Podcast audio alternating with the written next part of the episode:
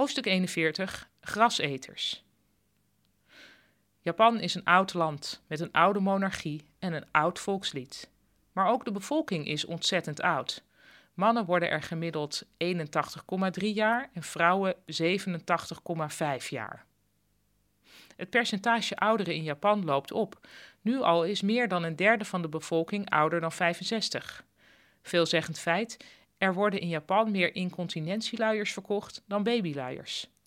Kijk in een willekeurige stad uit het raam en er schuifelen altijd wel een paar kromgebogen 90-jarigen door je blikveld.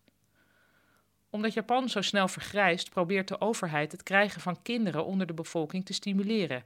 En dat is lastig, want steeds meer jongeren in Japan hebben geen zin in een relatie en ook niet in kinderen.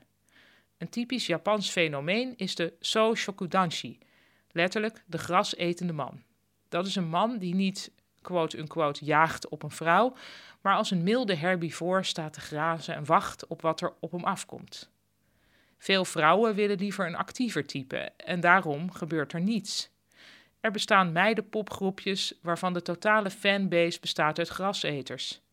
Deze mannelijke fans adoreren de meisjes, maar hoeven niets met hen. Juist de bewondering vanaf een afstandje is waar de grasetende mannen zich prettig bij voelen. Maar daar komen geen kinderen van en daarom organiseert de overheid speeddateavonden. De toekomstige Japanner zal waarschijnlijk niet echt Japans meer zijn. In alle dienstverlenende beroepen zijn inmiddels buitenlanders werkzaam. Het gaat om de baantjes waar de meeste rijke, hoogopgeleide Japanners zelf weinig zin meer in hebben, zoals winkelbediende worden in een buurtwinkel, een zogeheten konbini. Tegenwoordig heeft ongeveer 3% van de baby's in Japan minstens één ouder die niet oorspronkelijk Japans is. Voor aanhangers van de zwarte haren standaard moet dat een huiveringwekkende statistiek zijn.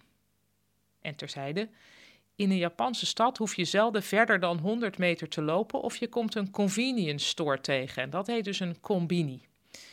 Het is een supermarktje met wat kant-en-klaar voedsel, heel veel snacks, een flinke selectie toiletartikelen en ook altijd een klein rekje met pennetjes, gummetjes en stickertjes. Want je zou zomaar ineens zonder stickertjes komen te zitten. Op het platteland is de combini je enige toevlucht als je honger hebt. Ik ren er vaak binnen voor een rijstbal, een onigiri en een bak niet te zuipen koffie.